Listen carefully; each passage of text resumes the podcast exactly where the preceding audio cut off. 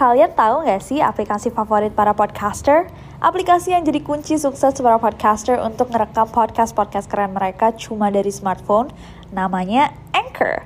Anchor ini kalau aku bisa bilang adalah all-in-one app yang simple banget. Gak heran kalau para podcaster bilang bahwa aplikasi inilah kunci kesuksesan dari podcast-podcast mereka. Di Anchor, kalian gak cuma ngerekam suara, tapi juga bisa ngedit. Mulai dari rekaman, isi lagu, efek, dan lain-lain. Yang paling aku suka adalah karena Anchor ini super fungsional. Aku bisa langsung upload podcast aku ke Spotify atau platform lain langsung dari Anchor. Kalian bisa download Anchor di smartphone kalian langsung dari App Store, Play Store, atau dari web mereka www.anchor.fm. Trust me, Anchor is your best friend to create stunning podcasts. And you know what? It's totally free. Hey guys, it's Nancy. And welcome back to Nero. To Nero, to Nero. Oke, kita akan mulai video ini dengan Universitas Indonesia, UI. Universitas Indonesia selain dikenal sebagai salah satu universitas terbaik di negeri ini, juga sering kali dikenal dengan cerita-cerita horornya. Bukan hanya satu kisah. Ada banyak sekali cerita yang tersebar tentang kampus seluas 320 hektar ini. Damn, I didn't know UI is that big. Pertama ada kereta hantu stasiun UI. Cerita yang satu ini sudah beredar di antara para mahasiswa UI sejak tahun tahun 1990-an. Kala itu, ada seorang mahasiswa yang sedang naik kereta di malam hari dari stasiun UI menuju stasiun Tebet. Ketika dia masuk ke dalam keretanya, dia melihat semua orang itu terlihat sangat-sangat lesu. Anehnya, kereta yang ditumpanginya ini tidak berhenti di setiap stasiun, melainkan baru berhenti ketika mahasiswa ini ingin turun di Tebet. Dan sesaat sebelum dia turun, dia nengok ke belakang dan menyadari bahwa dia adalah satu-satunya orang yang turun di situ. Oh my god, I got goosebumps. Mahasiswa ini baru sadar bahwa kereta yang ditumpanginya adalah kereta hantu saat penjaga stasiun bertanya kepadanya, Loh, kamu kenapa berjalan kaki di sepanjang rel kereta? Oh, oh, wow, wow. Jadi dia naik kereta. Oh, oh, oke. Okay ini baru cerita yang pertama aku udah merinding dia jalan naik kereta semua orang aneh di dalam kereta itu dan sampai di tujuannya malah penjaga stasiunnya nanya loh kamu dari tadi ngapain jalan di rel?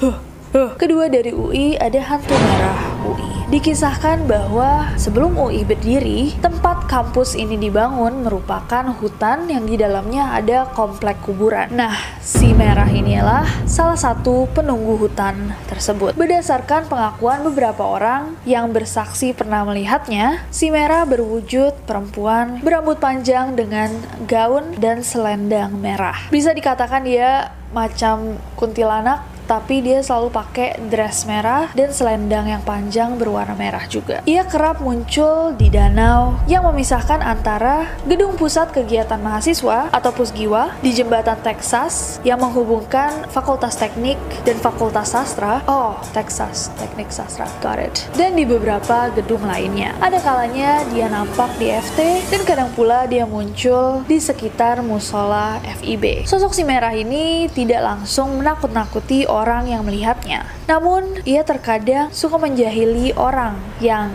sempat melihatnya. Kejahilannya seperti menutupi wajahnya dengan selendangnya dan ketawa. Kadang pula dia nampak di dalam kelas, duduk menyamar seperti mahasiswa. Konon katanya, menurut mitos dari warga setempat, si merah ini dulunya adalah seorang gadis yang meninggal di hutan di mana UI dibangun. Namun of course, dengan konon katanya, kebenaran yang satu ini tidak bisa dipastikan. So what do you think? Anak-anak UI, apa kalian percaya? Mungkin ada yang pernah lihat? Komen di bawah. Next.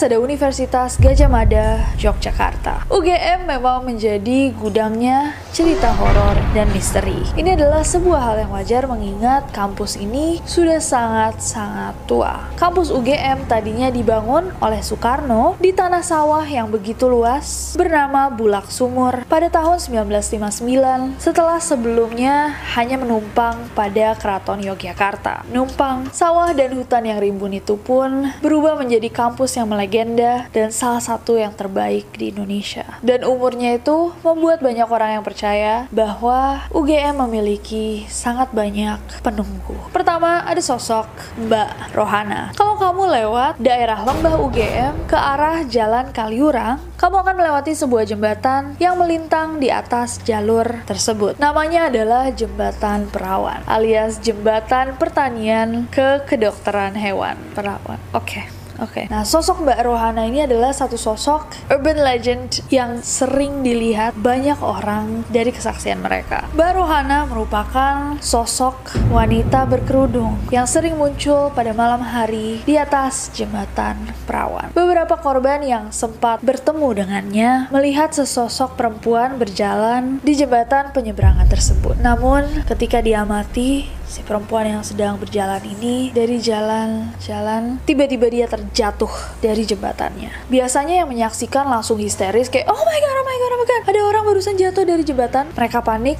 namun ketika dicek tidak ada seorang pun yang berada di bawah jembatan. Kedua ada hantu di Suara Gama. Suara Gama merupakan radio suara Gajah Mada. Get it? Suara Gama, Suara Gajah Mada. Cerita ini berasal dari gedung-gedung tua di selatan UGM di depan kota Kopma, dan perpustakaan unit 2. Gedung ini terdiri dari tiga lantai. Lantai pertama digunakan untuk data, administrasi, musola, dan cybernet. Lantai kedua murni isinya buku-buku perpustakaan, dan di lantai ketiga adalah di mana kantor suara gama berada. Pokoknya dari yang aku baca, lantai tiga ini hanya dipakai untuk siaran radio suara gama. Kalau aku salah boleh dibenerin. Tapi menurut kabar dari penyiar-penyiar lama, saat mereka sedang bekerja sendiri atau mempunyai shift malam, malam, kadang mereka mendengar atau merasakan ada aktivitas lain di lantai tiga ini. Seolah-olah lantai ini tidak hanya digunakan untuk radio suara gama. Menurut pengakuan dari salah satu kru suara gama, di lantai tiga ini sering kali terdengar suara kursi diseret,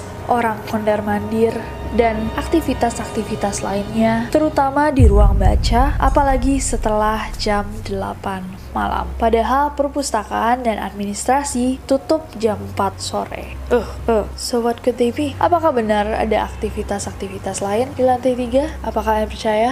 Komen di bawah. Next.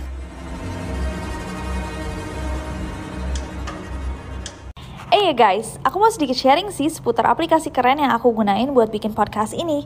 Aplikasi ini tuh bisa di-download di App Store atau di Play Store, and it's totally free. Gak cuma buat ngerekam aja, Anchor juga bisa buat ngedit langsung rekaman kalian. Kita bisa langsung nambahin back sound, effects, tambah lagu, bahkan Anchor juga bisa mendistribusikan podcast kita ke berbagai platform lainnya. Kayak aku nih, biasanya aku langsung upload podcast aku ke Spotify langsung dari Anchor. Jadi di mana pun aku berada, aku bisa buat podcast aku kapan pun dan di mana pun aku mau.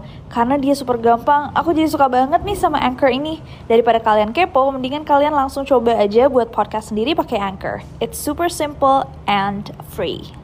Next ada Institut Teknologi Bandung. The Bandung Institute of Technology adalah salah satu universitas paling prestigious bersama on top of the list dengan dua universitas yang kita bahas sebelumnya. Lulusannya nggak main-main. Presiden Soekarno, Presiden Habibie, like damn, this is a good school. Tapi ternyata a good school juga tidak bisa lepas dari legenda-legenda mistis. Dipercaya ada dua sosok yang terkenal di ITB. The first one being hantu noni Belanda. Konon katanya di studio lantai 3 gedung FSRD bersemayam hantu noni Belanda yang cantik cerita. Hantu ini kerap menemani mahasiswa-mahasiswa yang tengah lembur mengerjakan tugas mereka di studio lantai 3 gedung ini. Bahkan ada yang bersaksi bahwa mereka kerap diajak ngobrol dengan hantu yang satu ini. Damn, she's nice. Kok kayak hantunya baik banget? But I just realized, kenapa di Bandung yang terkenal adalah hantu noni-noni Belanda? Ya kan di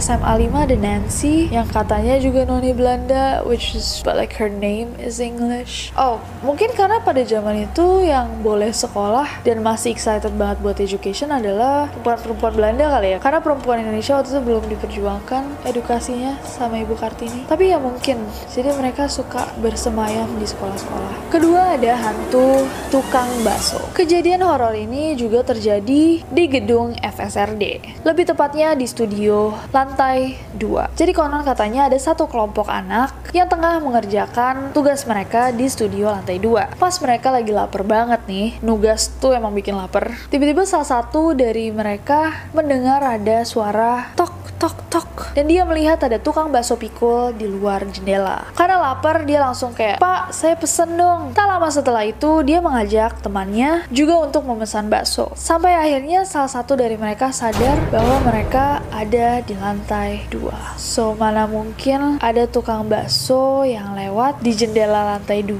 kecuali kalau next.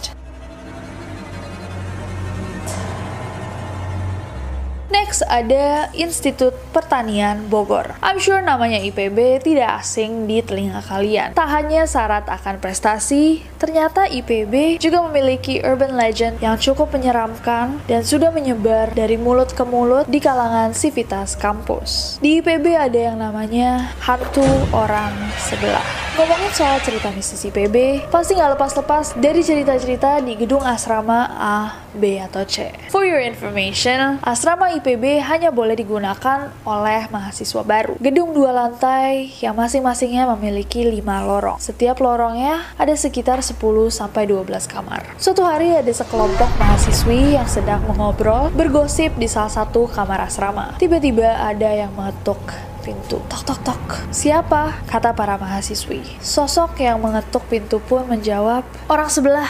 Dan ketika pintu dibuka, ternyata yang mereka lihat adalah tamu yang hanya memiliki setengah badan. Oh, oh, oh. Jadi dibuka terus cuman, oh, oh, oh. Next. Next ada Universitas Trisakti, Jakarta. Oke, jadi ada satu cerita yang datang dari Universitas Trisakti. Konon ada satu acara yang digelar di tengah lapangan kampus. Ceritanya nih, ada dua mahasiswa baru yang naik ke gedung ekonomi untuk mendapatkan spot menonton yang enak. Setelah masuk ke salah satu kelas, mereka nyalain lampu dan mereka buka jendela dan mereka pun duduk santai sambil menyaksikan acara yang sedang berlangsung. Tak lama kemudian, datanglah satu mahasiswa mahasiswa lain berjaket ekonomi duduk di samping mereka dan ikut menonton. Jadi ada tiga mahasiswa nih di dalam ruangan itu. Tiba-tiba ada satu senior yang datang menghampiri mereka dan menepuk bahu mereka dari belakang. Kayak, hey, senior itu langsung tergesa-gesa meminta mereka untuk membantu dia mengangkat barang-barang. Awalnya mereka kayak, eh kenapa sih kita lagi nonton kok enak-enak, kenapa disuruh angkat barang-barang? Tapi si senior nih ngegas banget kayak, ayo cepetan, sampai dia membentak mereka. Cepetan turun sekarang, bantuin gue. Kalau kalau lo berdua gak mau mati. Takut dong mereka. Akhirnya si anak dua ini berdiri, keluar kelas, diikuti oleh sang senior di belakangnya, dan si senior ini begitu keluar dari kelas itu langsung matiin lampunya dan menutup pintunya. Kedua mahasiswa itu pun bingung. Loh kok dimatiin sih? Kan di dalam masih ada satu orang lagi. Si anak ekonomi itu. Si senior pun menjelaskan bahwa yang duduk di sebelah mereka tadi adalah salah satu mahasiswa ekonomi yang ikut tewas dalam peristiwa 12 Mei 19 98. Apa kalian percaya cerita yang satu ini? Komen di bawah. Ada satu cerita lagi dari Trisakti. Tepatnya dari toilet kampus C Rawasari. Ceritanya ada seorang mahasiswa yang menginap di ruang senat Sebut saja A. Malam itu A kedatangan temannya yang ingin menginap juga. Kita panggil B. Nah B ini yang baru datang mengajak A untuk menemaninya mencuci bajunya dia di toilet ujung kampus. Nah setelah sampai toilet, B pun mulai mencuci dan dia ngobrol nih sama A. A menemani di luar toilet. Sekitar satu jam lebih mengobrol dan selesai mencuci, B pun keluar dari toilet dan gak ngeliat A. Loh A ke mana? Nah B mikirnya kayak oh berarti dia meninggalkan saya. B langsung langsung oh mungkin dia langsung balik ke kamar sengaja aja cabut. Namun ketika sampai di ruang senat, dia melihat A sedang tertidur pulas. Dibangunin dong sama si B. A, A bangun A, A. Terus ditanya loh, tadi lo langsung cabut ya? A mengaku bahwa dari awal waktu dia nemenin B, dia cuma buang air kecil, lalu dia langsung balik lagi ke ruangan. Dan meninggalkan B mencuci bajunya sendirian. Dan sampai sekarang B tidak tahu selama satu jam dia berbicara dengan siapa. Apa kalian percaya? Komen di bawah. Next. Oke okay guys, dan ini yang terakhir, ini adalah cerita dari Universitas Brawijaya, Malang. Salah satu cerita paling legendaris dari kampus yang satu ini adalah tentang sosok hantu bermuka rata di area perpustakaan. Menurut ceritanya ada beberapa mahasiswa yang masih berada di area perpustakaan pada malam hari. Mereka pun melihat ada satu cewek lainnya, ada satu perempuan duduk sendirian tanpa suara. Jadi dia nggak ngomong sama siapa-siapa, cuma duduk aja sendirian. Karena penasaran apa yang sedang dilakukan sama si cewek ini, mereka pun menghampirinya dan bertanya kenapa dia sendirian duduk di situ dan apa yang sedang dia lakukan. Dia tetap terdiam dan tak lama setelahnya dia menoleh ke arah mereka dengan mukanya yang rata, tanpa mata, tanpa hidung, tanpa mulut, tanpa telinga. Wajahnya seperti tebal kemerahan seakan habis disetrika. Dan dari kesaksian banyak orang, hantu ini tidak hanya mengganggu orang di malam hari, tapi juga di siang hari. Terakhir dari Brawijaya ada hantu terbang. Gedung FEB-nya Brawijaya memang besar dan tinggi. Namun anehnya lantai yang diyakini menjadi tempat bersemayam para sosok-sosok dari dunia lain adalah lantai dasarnya. Salah satu cerita yang paling populer adalah konon ada satu dosen yang pulang larut malam sehabis lembur berjalan keluar dari gedung ini. Nah ketika dia jalan keluar ini dia berpapasan dengan seseorang. Orang normal kayak biasa dan dia awalnya ngira orang ini adalah seorang mahasiswa. Mungkin ada mahasiswa yang malam-malam baru pulang nugas. Namun ketika sang dosen ini menyapanya, si mahasiswa ini diam saja. Si dosen pun kayak oh ya udah, dia melenggang jalan melewati si mahasiswa dan begitu dia noleh, sosok itu terbang mendekatinya. Dan si dosen pun berlari menyelamatkan. Oke, kita sampai di akhir video. Aku mau tahu menurut kalian, cerita mana yang menurut kalian masuk akal atau hanya terdengar seperti urban legend yang tidak bisa dipercaya sepenuhnya? Komen di bawah. Cerita dari kampus yang mana yang paling seram? Komen di bawah. Ini obviously hanya beberapa universitas yang kita bisa bahas atau enggak durasi video ini akan terlalu panjang tapi sebenarnya kita masih punya risetnya banyak banget nih kayak ada Gunadarma, Airlangga Surabaya, Universitas Diponegoro Semarang, Maranta Bandung kalau misalkan kalian mau part 2 bisa di komen di bawah hopefully yang ini aku nggak lupa untuk buat. I will try my best biar nggak kelupaan lagi. But ya request aja di bawah. Aku juga mau tahu kalau misalkan kalian sendiri punya pengalaman mistis di kampus please ceritain di bawah. Nggak harus pengalaman kalian bisa teman kalian, sahabat kalian, ibu kalian, bapak kalian, adik kalian, om kalian. Bisa ceritain aja di bawah. Buat kita-kita yang suka baca cerita horor, please komen di bawah. Yang belum kuliah bisa ceritain pengalamannya di sekolah. Dan apakah sekolah atau universitas kalian angker. Cerita apa sih yang beredar dan dipercaya banyak orang? Please ceritain di bawah. Dan as always guys, komen di bawah ide-ide buat video-video selanjutnya. But other than that, I hope that you guys enjoy this video. Kalau misalkan kalian suka videonya, klik like-nya. Follow aku di Instagram dan Twitter gampang banget. Nesi Jajaja dan subscribe subscribe ke channel ini juga nyalain notificationnya biar kalian tahu kalau misalkan aku upload video baru. Bye bye.